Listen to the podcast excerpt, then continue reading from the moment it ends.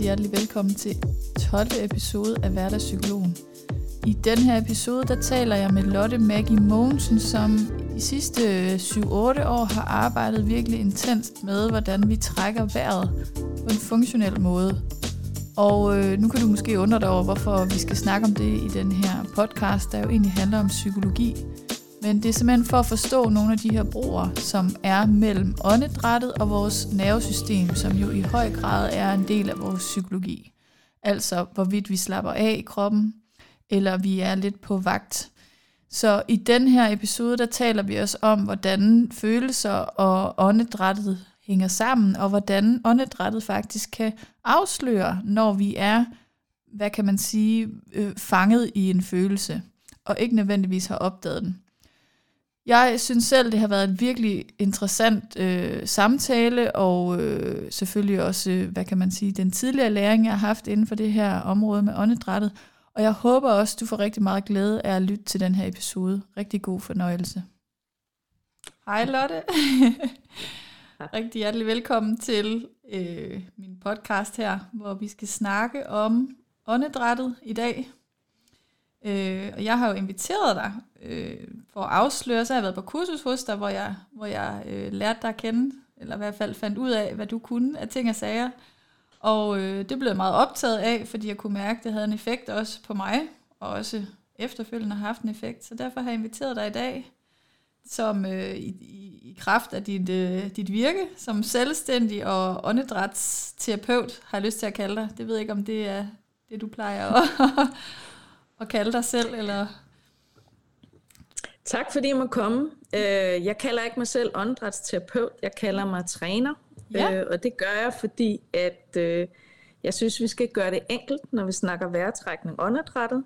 Mm. Vi træner det, og vi træner det måske for, at vi så kan gå i terapi. Er der så nogle gange sker noget terapeutisk?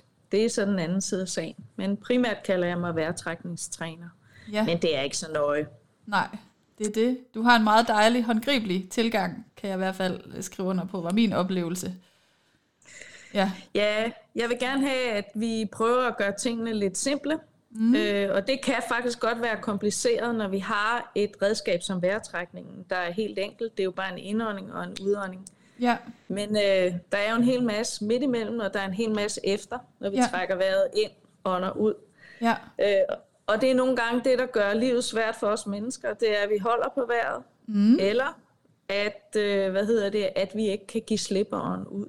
Ja. Og, ja. og det er vel noget af det, vi vender her i dag, tænker jeg. Ja, ja det, det triggede lige noget i mig, fordi jeg tænker, det lyder allerede helt psykologisk for mig, lige det du sagde der med, at vi har nogle mønstre, som jeg plejer at kalde det på, hvordan vi er i verden, og at de jo efter min erfaring meget, altså i høj grad psykologiske også, og så er de selvfølgelig kropsligt det i form af, hvordan, ligesom du siger, vi holder på vejret. Jeg får også lyst til at sige, at vi holder lidt på os selv nogle gange også, altså sådan psykologisk. Kan du se nogen, jeg ved ikke om det er det, du tænker, vi skal snakke om, men det kunne jeg lige få lyst til at spørge dig om, om du kan se nogen hvad, tråde der mellem øh, Ja, det kan jeg.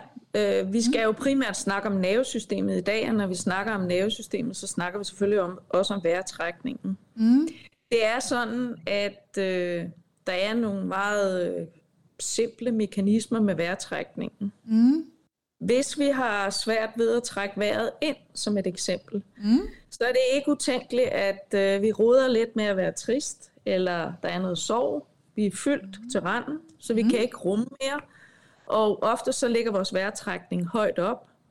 Hvis det er sorg, så ser vi ofte, at folk har et meget hårdt bryst, Mm. Og øh, det brystet er sådan lettere hævet. Mm. Så det er sådan et punkt. Så når jeg ser det på andre mennesker, at vejrtrækningen går lidt hurtigt på indåndingen, mm. og når jeg siger hurtigt, så snakker vi et sekund. Ja. Så der skal man være ret vågen, når man skal se det. Ja. Så tænker jeg altid, hmm, skal jeg vide, om den person har det godt. Det er sådan en ting.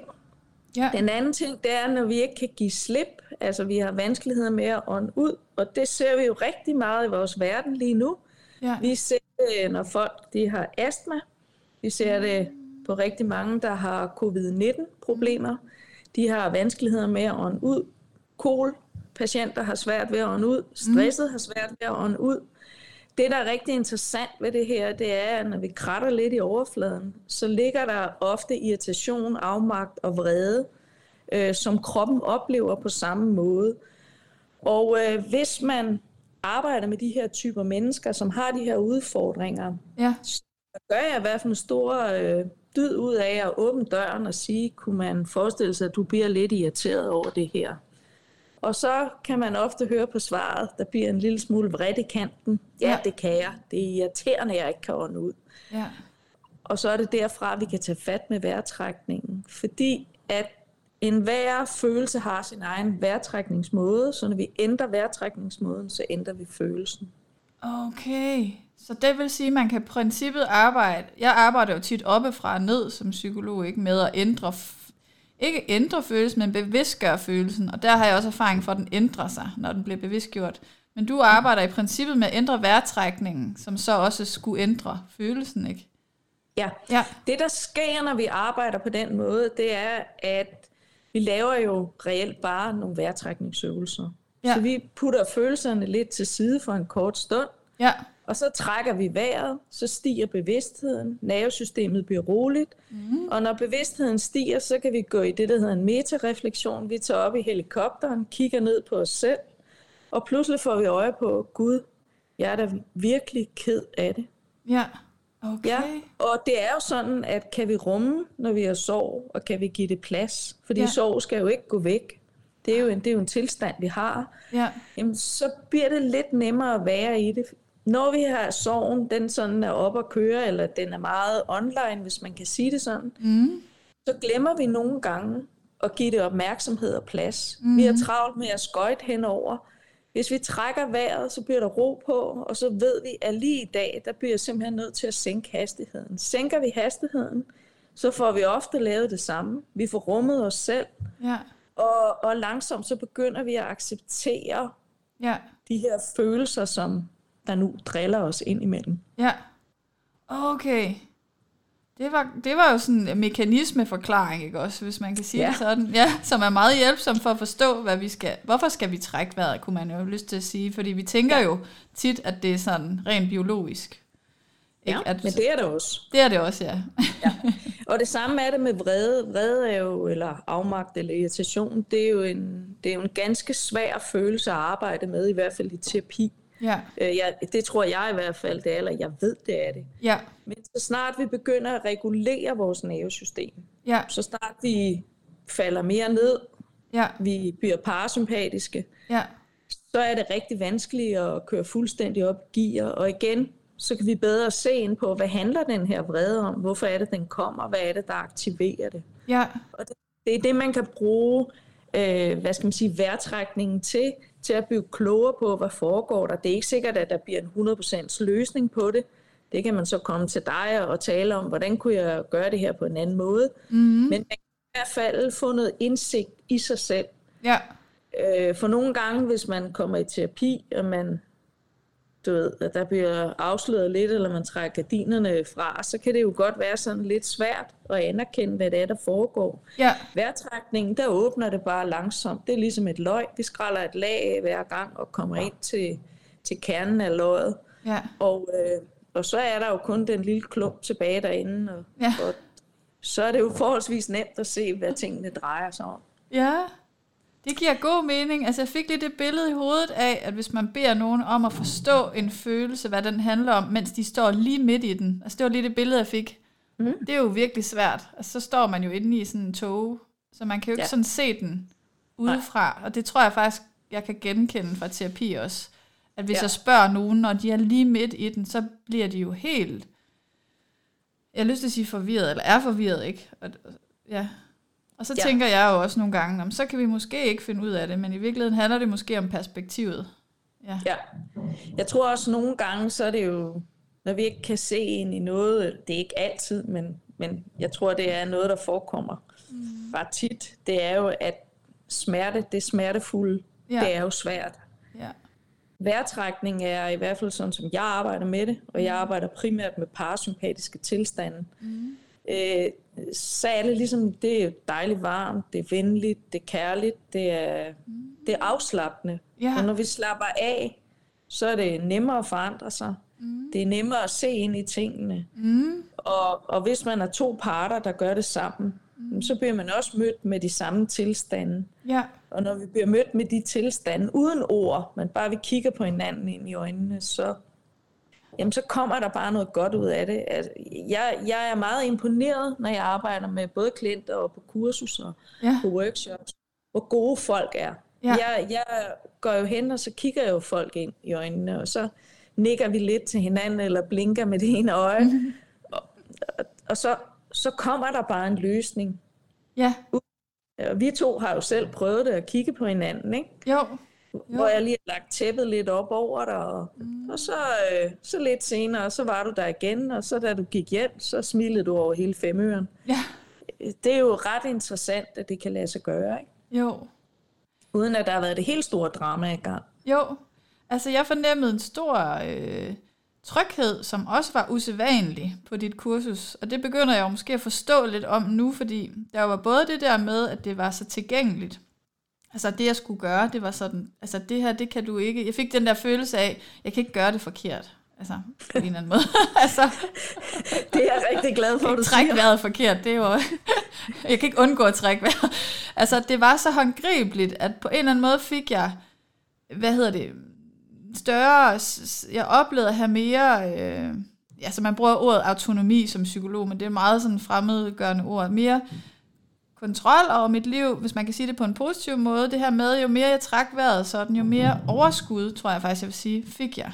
Så det, det, ja. gav, det er jo også positivt. Og så tror jeg, at noget, der var noget i din måde at undervise på, og det skal selvfølgelig blive med at være fagligt det her, så det skal jo ikke ja. handle om kun det personlige. Men, men jeg var meget tryg, du havde meget klare rammer, synes jeg. Og så, så kan det jo være noget med dit nervesystem, sidder jeg tænker her på bagkant, som jeg ikke opfattede der, at du måske selv var meget reguleret.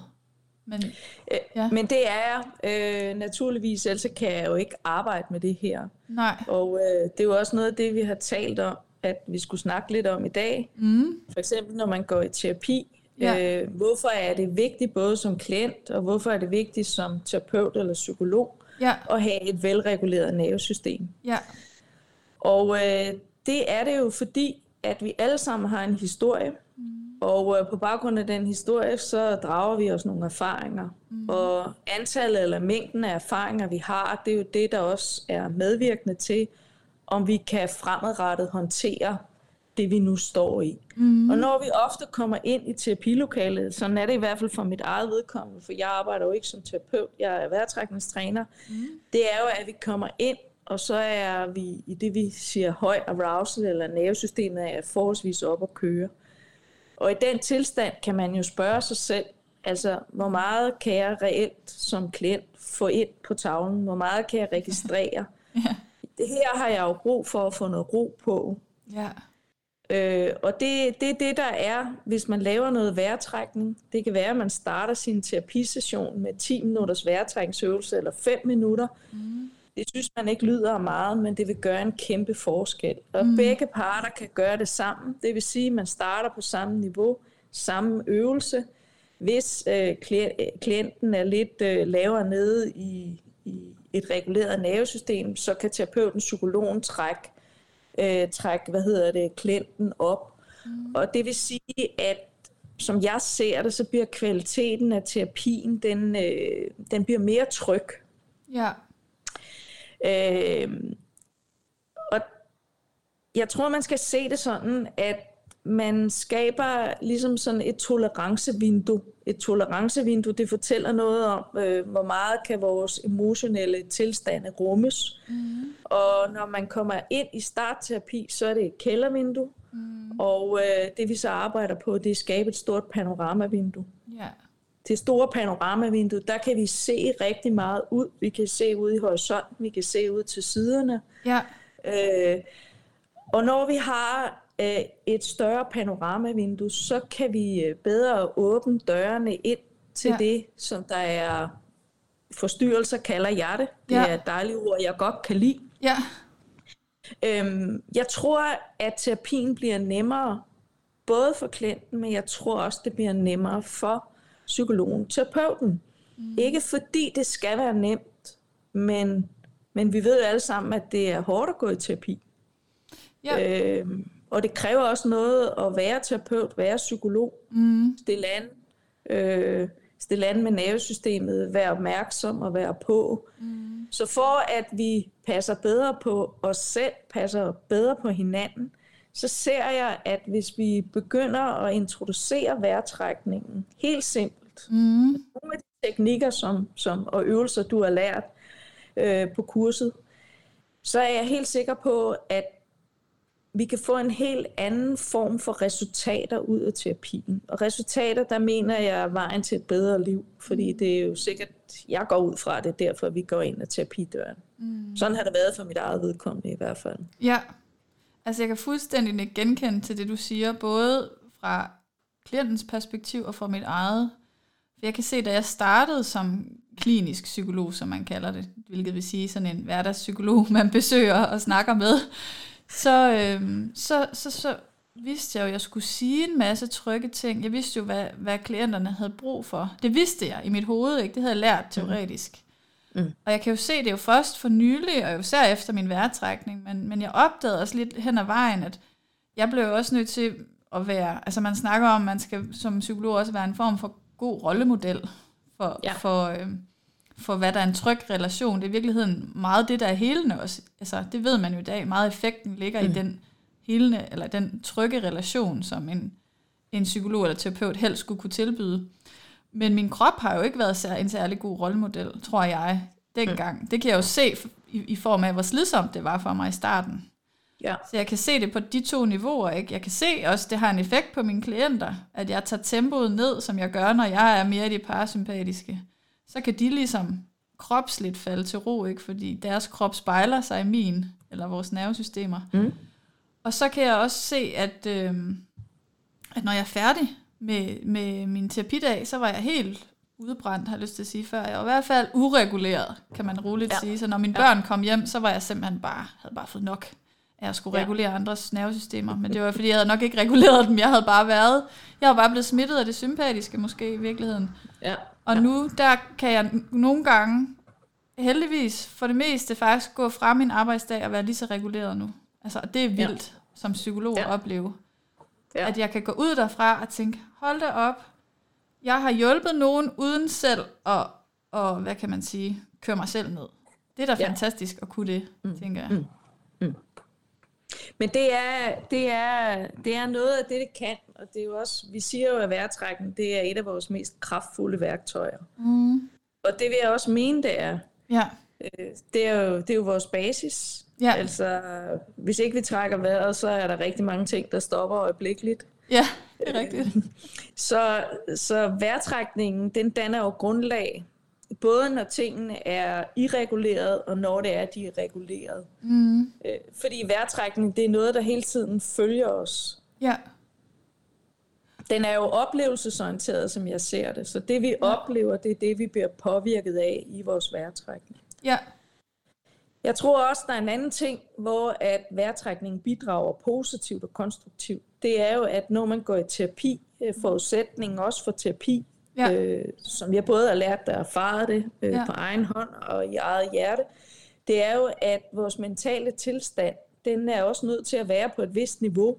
Fordi hvis vi ikke er i stand til at kunne reflektere på, på de forudsætninger, der er for mm. at være i terapien, ja. og der støtter vejrtrækningen også, fordi den, du kan ikke lave vejrtrækningsøvelser uden at hæve din bevidsthed. Nej. hvis du laver parasympatiske øvelser. Ja. Så du hæver jo bevidstheden, og det vil sige, hæver du bevidstheden, så bliver du i stand til at kunne måske tænke lidt over, jamen hvordan skal jeg gøre det her, eller hvad er det, jeg skal tage med ind i terapien næste gang, for jeg kan se her, der er stadigvæk et par små ting, mm. som, som jeg er nødt til at kigge lidt nærmere på, for at det bliver helt godt at ja. være til i livet. Ja. Så, og det er jo, man kan jo starte i sengen, mm. når man vågner om morgenen. Mm. Og jeg, jeg tænker faktisk, at de fleste mennesker har 5-7 minutter. Øh, og lukker munden og kommer tungen i ganen og trækker vejret ind og ud gennem næsen, i stedet for lige at mm. sætte stængerne ud over og så fare op og gå i gang. Ja. Så vi starter dagen med 5 minutters vejrtrækning. Det er cirka 6 vejrtrækninger i minuttet, så det er 30 vejrtrækninger. Så kan vi jo tælle. Mm. Vi har jo 10 fingre, og så kan vi tælle dem tre gange. Mm. Jamen, så har vi sådan set lavet vores første del af praksis. Og så ja. kan man slutte dagen af på samme måde. Ja, det var hvis man vil det. Helt konkret råd faktisk til lytteren til, hvad man kunne starte med. Ja. Og for det, jeg lige bliver ramt i, det er, når du siger, at jeg skal putte tungen i ganen og lukke munden. Så og det træk det, vejret gennem næsen. Så er det det, der resulterer i den parasympatiske. For, for, ja. den, for lytteren, der ikke lige ved, det er faktisk den type vejrtrækning, som bringer os i det parasympatiske, det rolige, og også i den tilstand, du sagde, hvor man får mere overskud eller bevidsthed. Nu bruger vi forskellige ja. Ja. Ja. Ja. Det, gør man, øh, når tungen er i ganen. Mm. Det er en medfødt, øh, hvad hedder det, intelligens, kalder jeg den. Mm. Babyer, de har deres tunge i ganen, fordi de sutter, og de synker, og de trækker vejret på én mm. gang og spiser. Øh, at så deres sutterefleks, den forsvinder efter fire måneder, det er så en ting. Men, men planen, som vor herre han har, har lavet med os, det er altså, at vi har tunge i ganen yeah. og trækker vejret igennem næsen. Øhm, luftvejen bliver fri og åben, mm. og det vil sige, at vi skal ikke øh, bruge de store ressourcer på at trække vejret. Nej. Og den næste ting, det er, når tungen ligger i ganen, jamen, så aktiverer vi hjernenerve 9, ja. og den, øh, øh, hvad hedder det, den måler hvad hedder det, vores iltindhold, mm. og den står for dannelsen af sekret spyt. Og spyt, det er relateret til parasympatisk tilstand. Mm. Når vi har spyt i munden, jamen så kan vi jo næsten ikke snakke, og det hele det savler. Vi, hvis vi kigger igen på børn, mm. de har jo spyt, de kan jo sidde og spytte ud af munden og lave grimasser og grine samtidig, ja. og, og savle helt vildt. Ja. Det, er sjældent, det er sjældent, vi ser på et barn, der savler, der er helt op øh, i høj arousal. Ja. Så derfor er den her simpel lille ting, det er også noget, man kan gøre, når man sidder i terapien. Ja. Så som klient ja. gør man det her så øh, lytter man til, hvad terapeuten og psykologen siger, og når terapeuten og psykologen er færdig med at snakke, så lukker de munden, mm. trækker vejret gennem næsen og tungen i ganen, og danner det samme. Mm. Ro på nervesystemet, spyt ind i munden. Mm. Og så kan klienten træde ind og tale. Øh, det skaber et andet rum. Ja. Jeg kunne helt mærke det nu. Jeg kunne mærke spyttet, det har jeg ikke lagt mærke til før. ja og, og det, øh. det, det siger du jo faktisk, man kan bruge, det var lige et ord, jeg kom, frem, kom op hos mig, som jeg har brugt i terapi også. Man kan bruge det offline og online, og det skal jeg nok lige forklare, ja. hvad jeg mener med det. Det forstår du allerede, kan jeg høre. Så det der med at træne, det du sagde med at træne i sengen om morgenen og om aftenen, det er det, man kalder offline. Ikke? Det er, når, når vi træner noget, fordi vi ved, at vi skal bruge den evne på sigt. Ja. Altså noget, vi gerne ja. vil øve os i. Mm. Øh, så det er sådan en formaliseret træning i at øve sig ja. i at trække vejret sådan, ikke? Og så kan ja. vi bruge den online. Det kan være både i terapien, hvis vi bliver ramt følelsesmæssigt, ikke? Vi så lige husker os på at gå tilbage i den der rolige tilstand og kigge kig tilbage på det, som var, øh, ja. der ramte os, hvis man kan sige mm. det sådan. Og så også tænker, jeg tænker egentlig også i et arbejdsliv, kommer jeg lige til at tænke på, at jeg, nu, nu er mit arbejde jo at sidde i terapien, men egentlig hvis man var ude på en arbejdsplads, vil man vel også kunne bruge den, især når man sidder til møder, kunne man i høj grad bruge den, ikke? men også hvis man lige bliver ramt der, bliver lidt ramt af at være presset eller have travlt. Ja, øhm. det, altså mennesker, der sidder til forhandlinger, og mennesker, der sidder i, i møder, hvor at der er noget på spil, ja. øh, de er foran. Ja. Hvis de har tunge i ganen, lukker munden, trækker vejret igennem næsen. Mm. Og, og, og hvad mener jeg med foran? Jamen, øh, de skaber en parasympatisk tilstand. Mm. Og en parasympatisk tilstand, det laver ikke alt det der tumult, eller at man smutter ud af en tangent, man ikke er til stede. Mm. Øh, fordi man bliver ganske opmærksom, når man vender sig til, at tungen ligger deroppe, og man trækker vejret. Mm. Der er den, øh, den næste ting, og det er jo, at det her med at trække vejret, det er jo sådan, at når vi ligger inde i livmoren, mm. så øh, laver vi en bestemt bevægelse, øh, i samarbejde med, med vejrtræk. Nu trækker vi jo vejret igennem mor igennem øh, navlesnoren. Øh, men vi laver en bevægelse, hvor vi kipper vores bækken øh, let tilbage eller ned mod vores fødder, mm. når vi trækker vejret ind, og når vi ånder ud, så kipper vi bækkenet. Øh, vi løfter det eller kipper det op mod brystet. Mm. Og når vi, øh, når vi sidder til et møde, vi har tunge i ganen, trækker vejret igennem næsen, og vi kommer i kontakt med den bevægelse, så er vi i kontakt med vores vejrtrækning. Mm. Og kontakt med vores vejrtrækning, så øh, er vi meget bevidste, at vi kommer ind i en rolig tilstand. Igen tilbage til at kigge på babyer, mm. når de ligger på puslebordet, eller de ligger på gulvet, de ligger i deres barnevogn og sover, og vi prøver at se, hvordan maven den hæver sig på en indånding og lægger sig ned på en udånding. Mm. Og ser, hvordan at bækkenet arbejder. Mm. Bækkenet har øh, en undervurderet betydning mm. øh, i rigtig mange følelsesmæssige sammenhæng. Jeg havde et øh, samarbejde med en fysioterapeut, og øh, det var meget, meget interessant, og han kom en dag og sagde til mig, det er helt vildt, siger han. Vi anerkender alt muligt med følelser op i solar plexus, men tænk sig, at vi ikke anerkender mere, hvordan at vi lægger følelser ned i vores bækken. Fordi hvis vi prøver at forestille os, at vi bliver vrede, hvad sker der med vores bækken? Ja, det trækker sig sammen. Hvis vi bliver bange, trækker bækkenet sig sammen. Øh, og når det er, at vi øh, hvad hedder det, har sorg, vi trækker vejret højkostalt, altså højt op, mm. ja, øh, så spænder vi i bækkenet. Ja. Og når vi gør de ting i bækkenet, jamen, øh, så laver vi mange forstyrrelser i kroppen, ja. men vi kan ikke trække vejret, og vi har ikke kontakt til vores vejrtrækning. Ja. Så derfor kan man under møder skabe nogle øh, intelligente løsninger, uden at modparten kan se det. Mm. Og den næste ting, det er, hvis man lader være med at sidde og have åben mund. Hvis man sidder til et møde, det kan være på arbejdspladsen, øh, hvor man har forhandlinger, men for den sags skyld også, altså møder på en arbejdsplads, mm. hvor man sidder og snakker i munden på hinanden. Dem, der sidder med åben mund og trækker vejret gennem munden, de laver en let hyperventilation, mm. og det, det skaber altså en forstyrrelse der gør, at nervesystemet det er udfordret. Mm. Så man har ikke øh, den der, det brede panoramavindue mm. øh, i forhold til at, regulere det emotionelle, der foregår i rummet. Ja. Så der er, det, det, det er små ting, øh, men jeg, jeg møder folk igen og igen, og jeg får mails tit, uh, små søde sms'er, og folk skriver, at hvor fantastisk det er for dem. Ja. De har lært de her små ting. Ja. Øh, og hvor meget ro det har skabt i dem. Jo, det giver så god så. mening. Altså, fordi øh, det jeg lige sådan fik en parallel til, du er virkelig god til at beskrive det meget håndgribeligt, ikke? Og så, så bliver jeg lige fanget i nu, det der med, hvis vi, når vi er ramt i en følelse, så bliver vi, trækker vi os sammen i kroppen. Det er ja. det, du siger, ikke? Og på en måde, så bliver vi jo både kropsligt forstyrret, ligesom du brugte det ord, bliver kropsligt forstyrret, det kan jo give alle mulige kropslige symptomer, som, som ja. Mange jo også døjer med, især når vi altså, kommer over sådan første, øh, første del af vores ungdom, ikke? Også, så begynder vi at stivne alle mulige steder. Men også det her med egentlig, ligesom du siger, så altid at være lidt, i stedet for at være nedreguleret i det parasympatiske, så er vi altid lidt på vagt, har jeg lyst til at sige, hvis vi altid er en følelse, ikke? Hvis vi altid er ja. følelsesmæssigt påvirket.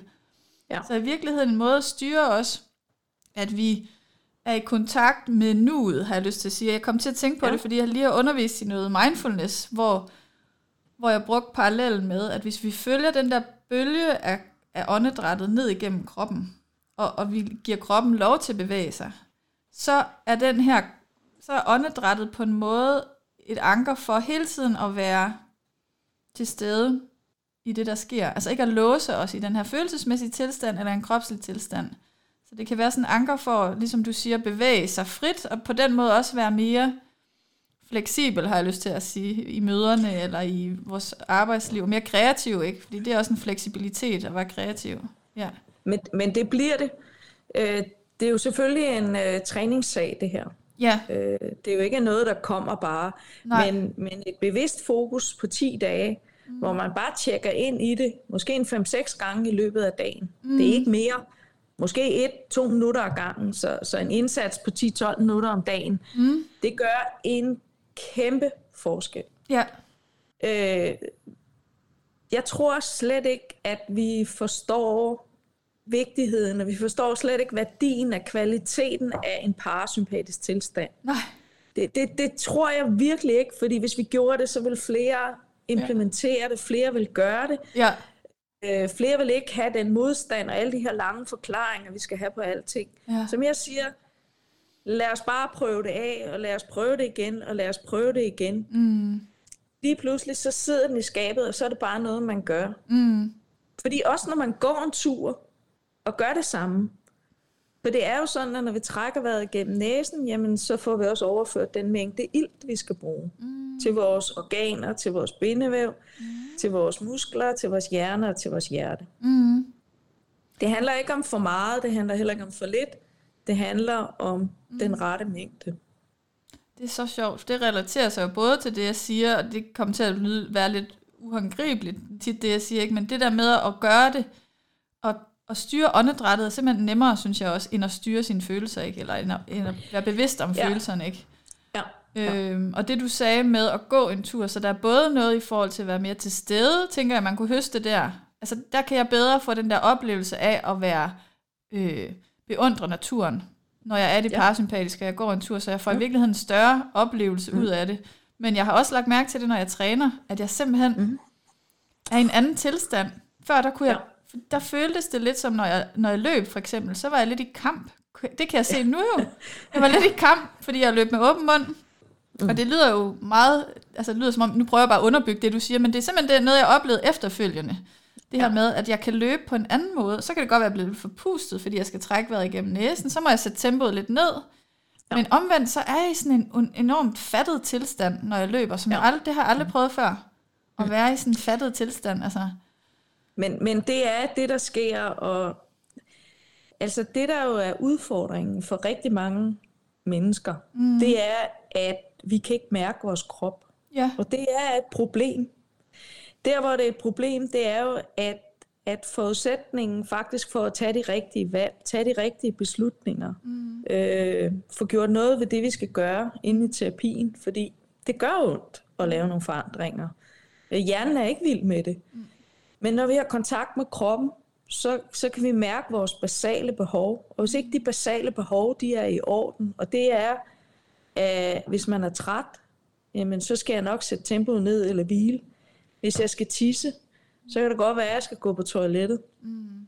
Hvis jeg er sulten, så kan det godt være, at jeg skal få noget mad at spise, og hvis jeg er tørstig. Mm. Fordi de her øh, øh små fire basale ting. Som babyer jo, eller små børn er eminente til at gøre opmærksom på, der øh, omformulerer vi dem til voksensprog. Mm. Jeg drikker ikke på arbejde, for så skal jeg rende på toilettet, og det har jeg ikke tid til. Mm. Så det gør jeg, når jeg kommer hjem. Ja. Jeg spiser kun én gang om dagen. Øh, og det kan også være godt nok, hvis det er fordi, man skal på en skrab slankekur. Men, men vi har jo brug for noget energi, og nu snakker jeg ikke matador, mix og basser. Mm. Øh, øh, jeg, jeg, jeg snakker konstruktiv mad, så vi har noget på motoren. Ja. Og hvis vi er tørstige, så øh, er det jo tit, folk siger, at jeg drikker ikke på arbejde. Mm. Øh, jeg drikker ikke vand. Det, det, det gør jeg ikke. Jeg drikker nogle kander kaffe. Mm. Udfordringen er, at når vi er dehydreret, mm. så tror jeg slet ikke, vi er klar over, hvordan det påvirker os. Det påvirker vejrtrækningsmusklen som noget af det første. Mm. Det påvirker nervesystemet. Mm. Øhm, så, så vi kommer i den her sympatisk styret tilstand, hvis det er rigtig slemt. Ja. Og meget af det her, det må jo være, fordi vi ikke kan mærke vores krop. Og den anden frygtelige ting, som jeg tror er et problem, det er, at øh, vi går kun på toilettet derhjemme. Ja. Så hvis man ikke går på toilettet i løbet af en hel dag, det er ikke sundt. Man skal Nej. selvfølgelig heller ikke rende på toilettet 12 gange om dagen. Nej. Øh, så igen, det er noget med at finde en balance. Ja. Øh, og børn gør jo de her ting, de kan godt mærke deres krop. Mm. Og jeg tror, at hvis vi starter med de her fire små ting, for noget at drikke, for noget mm. at spise, vi får hvilet og sovet, mm. og vi får gået på toilettet, mm så tror jeg, at vi er ret langt med at mærke vores krop. Ja. Og, og kroppen fortæller jo om de behov, vi har. Ja.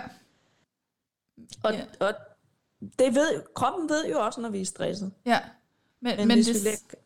ja, men det ja. starter med vejrtrækningen, tror jeg. Fordi jeg sidder og tænker på, øh, at jeg havde ikke lyst til at være i min krop før.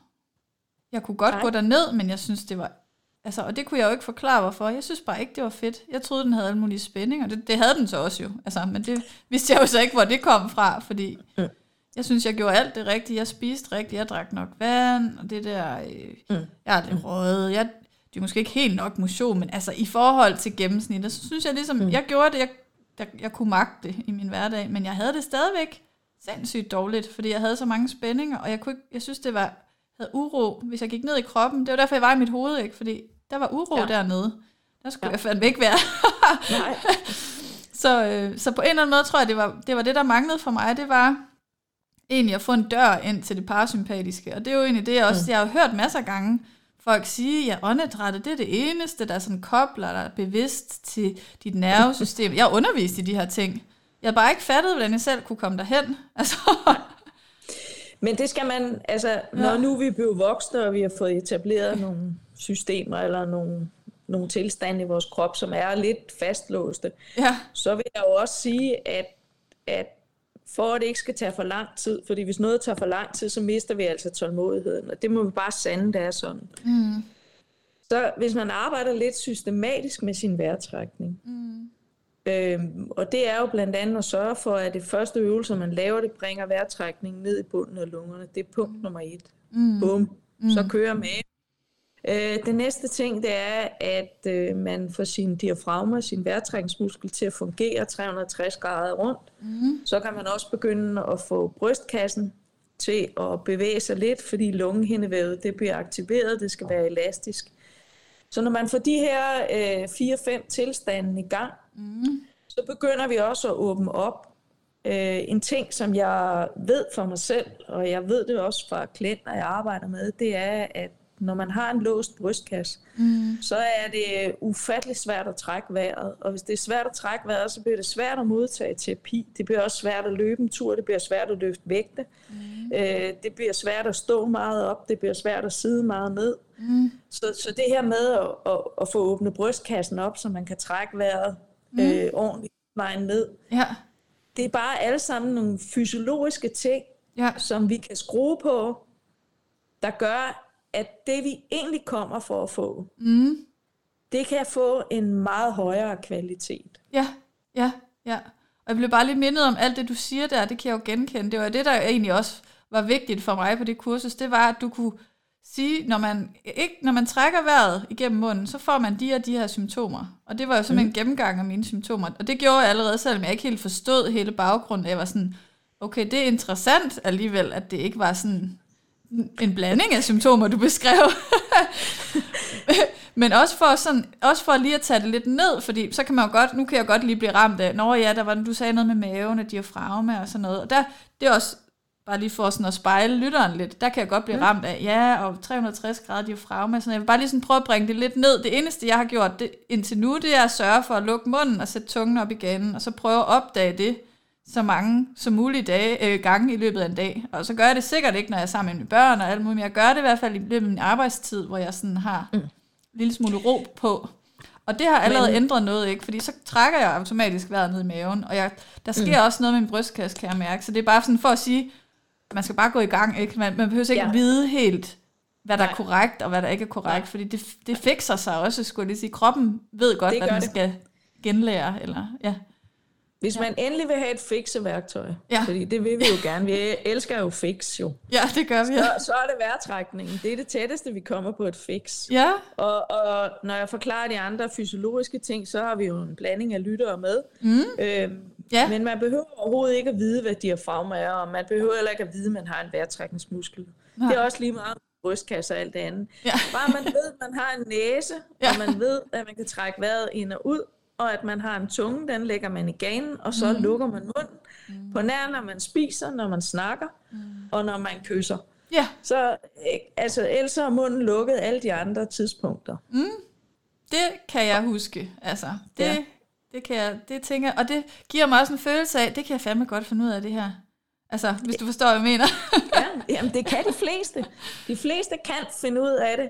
Mm. Og nogle gange skal vi lige mindes om det, så når vi bliver mindet om det, så ja, så kan vi igen. Ja, og, og sådan lige noget afsluttende for mig, er det ikke sikkert, mm. det kan sagtens være, at du har mere, så det er ikke sådan, men det jeg lige kunne, jeg fik lige sådan en dejlig hale på, det var, i virkeligheden bruger jeg også det til at finde ud af, hvornår jeg psykologisk er ramt i noget. Jeg opdager tit, det tror jeg ikke, jeg har sagt i podcasten, det tror jeg, det har været vores andre samtaler, hvor jeg sagde, at når jeg tager mig selv i at åbnet munden, så er jeg tit blevet ramt, enten er jeg blevet lidt presset over noget, der er sket, eller også så er jeg gået ned i gammelt. Altså simpelthen, jeg er gået i vane. Fordi det er jo en gammel vane, ja. jeg har åben mund.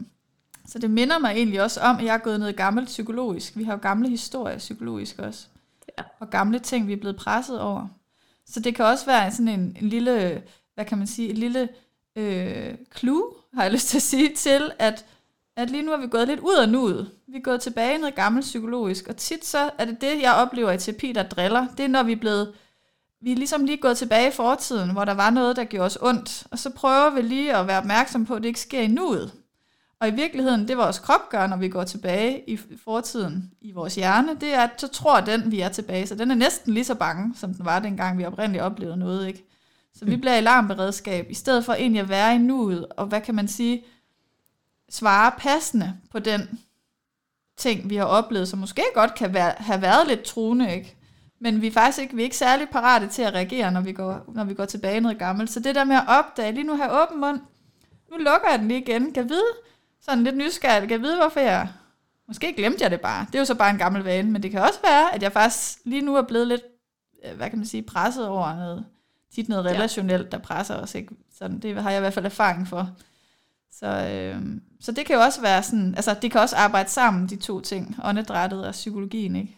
Til at... Det kan det helt sikkert, og der er, jeg har jo en øh, rigtig god sætning, hvis jeg selv skal have lov mm. til at komme lidt superlativer på, så er det, øh, jeg gerne vil give lytterne den, mm. og vi lader den stå lidt, og det er, for hver gang vi trækker vejret, så ændrer vi virkeligheden. Mm. Yeah. Den, den kan vi lige reflektere lidt over. Mm. Fordi den relaterer ret godt til det, du lige har beskrevet. Ja, det giver god mening. Og der, så bliver jeg nysgerrig. Mener du der træk vejret igennem munden? Er det, du mener? For hver gang vi trækker vejret, ændrer vi virkeligheden. Okay. Så trækker vi vejret gennem næsen, så ændrer vi virkeligheden til nuet. Mm. Trækker vi vejret gennem munden, ændrer vi virkeligheden til mm. fortiden, fortiden ja. gamle mønstre, mm. stress, pres. Mm. Det giver mening. Ja. Så, så det er sådan en sætning, man kan have bag sit øre. Ja. Og, og når det hele kører lidt for stærkt, så kan man lige stands op mm. og tænke lidt på podcasten her og på vores samtale. Og på en helt gammel sætning, der hedder, træk vejret. Du ved, ja. når man bliver frasset, så siger folk det også tit, det ikke? Prøv lige at trække vejret. Så øh, det giver mening. Jeg, jeg får helt lyst til at lade den stå ved det, fordi det tænker jeg jo faktisk opsummerer meget af det, vi har snakket om, hele den her bro mellem vejrtrækningen mm. og psykologien. Mm. Og, øh, Ja, og det kan jeg se, det er okay med dig, så jeg tænker faktisk, at øh, jeg vil sige tusind tak, fordi du har været med her i dag. Jeg er blevet endnu klogere igen, hvilket er altid skønt. Og, og, og jeg, jeg håber virkelig også, at vi har givet lytterne noget med. Det, øh, det er virkelig, øh, jeg synes virkelig, det er et vigtigt emne, det her. Så jeg er meget glad for, at du vil dele også de her broer til, øh, til det psykologiske. Tak fordi jeg må komme. Ja, selv tak. Det var en, det var en fornøjelse.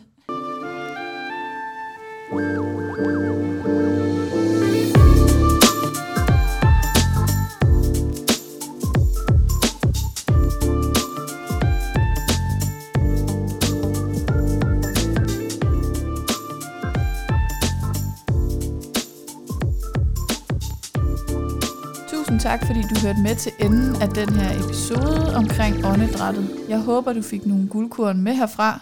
Og hvis du kunne tænke dig at vide mere om Lotte Maggie Mogensen, kan du finde hendes hjemmeside og høre lidt mere om de kurser, hun udbyder, eller hendes øh, bog, som er en ret letlæselig instruktionsbog i at trække vejret funktionelt. Jeg bruger også vejrtrækningen og andre øh, øvelser til at regulere nervesystemet i de online forløb, jeg tilbyder – og, øh, og samler selvfølgelig al den erfaring, jeg har fået fra de her gode interviews, samt min, øh, min uddannelse i dem. Så hvis du har lyst til at læse mere om dem, så kan du finde dem på min hjemmeside, malenelyby.dk under kurser. Igen, tak fordi du lyttede med, og på gensyn i næste episode.